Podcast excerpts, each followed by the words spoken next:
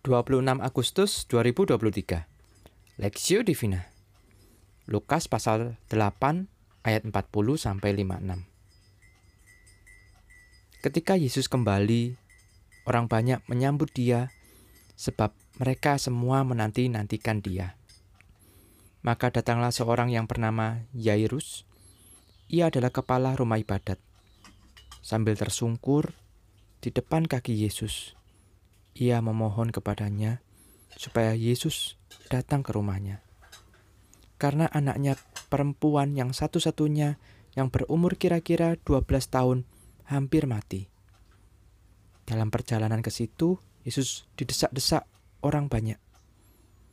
Adalah seorang perempuan yang sudah 12 tahun menderita pendarahan dan yang tidak berhasil disembuhkan oleh siapa pun.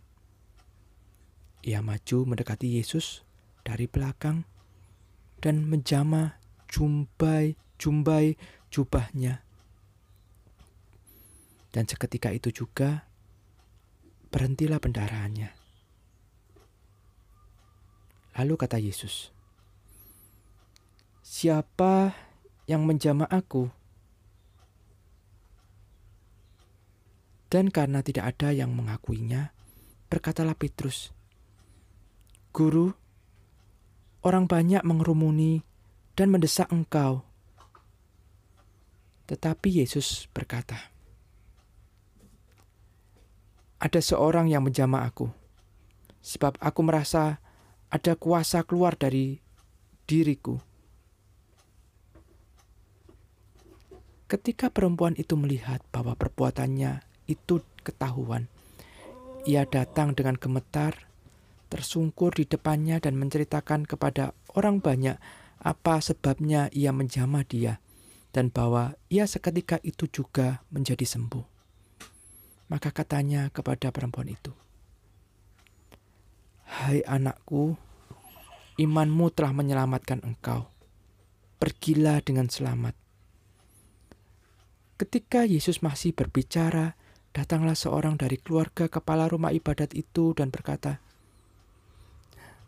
Anakmu, anakmu sudah mati.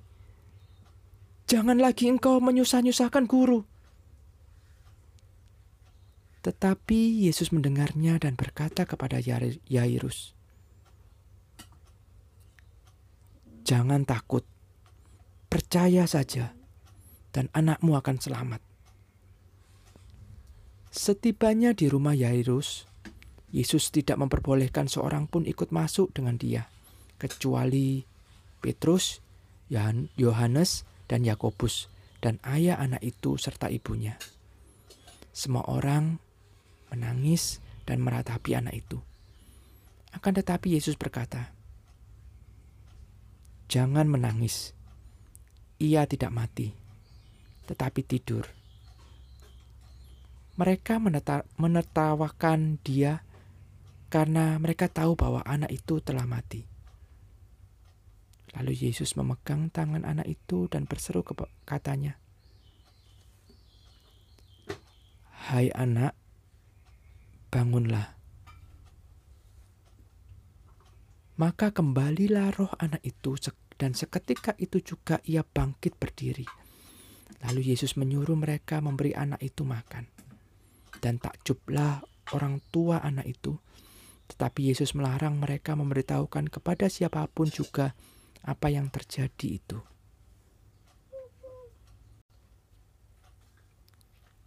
Dua mujizat perspektif. Tetapi Yesus mendengarnya dan berkata kepada Yairus, "Jangan takut, percaya saja dan anakmu akan selamat." Lukas pasal 8 ayat 50. Bacaan hari ini menceritakan dua peristiwa yang terjadi hampir secara bersamaan dalam satu momentum. Diceritakan ketika Tuhan Yesus kembali ke kotanya, banyak orang menyambut dia sebab mereka telah menanti-nantikannya. Maka datanglah kepadanya seorang kepala rumah ibadat bernama Yairus yang memohon agar Tuhan menyembuhkan anaknya yang sakit dan hampir mati. Dalam perjalanan ke rumah Yairus, di tengah banyaknya orang yang berdesaan, ada seorang perempuan yang sudah 12 tahun sakit pendarahan menjamah jubah Tuhan Yesus. Seketika itu juga berhentilah pendarahannya. Dan pada saat yang sama, seorang dari keluarga kepala rumah ibadat datang dan berkata bahwa anaknya sudah mati. Mendengar itu, Tuhan Yesus berkata kepada Yairus, "Jangan takut, percaya saja, dan anakmu akan selamat." Dan benar, Tuhan Yesus membangkitkan anak itu. Dari kisah ini, kita mengenal dua orang yang mempunyai kesamaan, baik perumpamaan baik perempuan yang sakit pendarahan maupun Yairus. Keduanya adalah orang-orang yang sedang mengalami pergumulan berat dan bahkan hampir kehilangan harapan. Mereka tentu sudah mencoba segala macam cara, namun tidak berhasil. Sekarang, harapan mereka hanya ada kepada Tuhan Yesus. Karena itu, begitu mereka mendengar Yesus datang ke kota, mereka segera datang kepadanya memohon pertolongannya. Mereka mengimani bahwa hanya Tuhan Yesuslah yang sanggup menyembuhkan dan menolong mereka dan akhirnya iman mereka lah yang mengantarkan mereka kepada mujizat Tuhan atas mereka. Bagaimana dengan kita? Saat ini ketika kita sedang bergumul tentang suatu hal, ke manakah kita mencari pertolongan? Adakah Tuhan Yesus telah menjadi harapan kita satu-satunya untuk mendapatkan jalan keluar? Adakah kita telah menaruh iman kita dengan sungguh hanya kepadanya?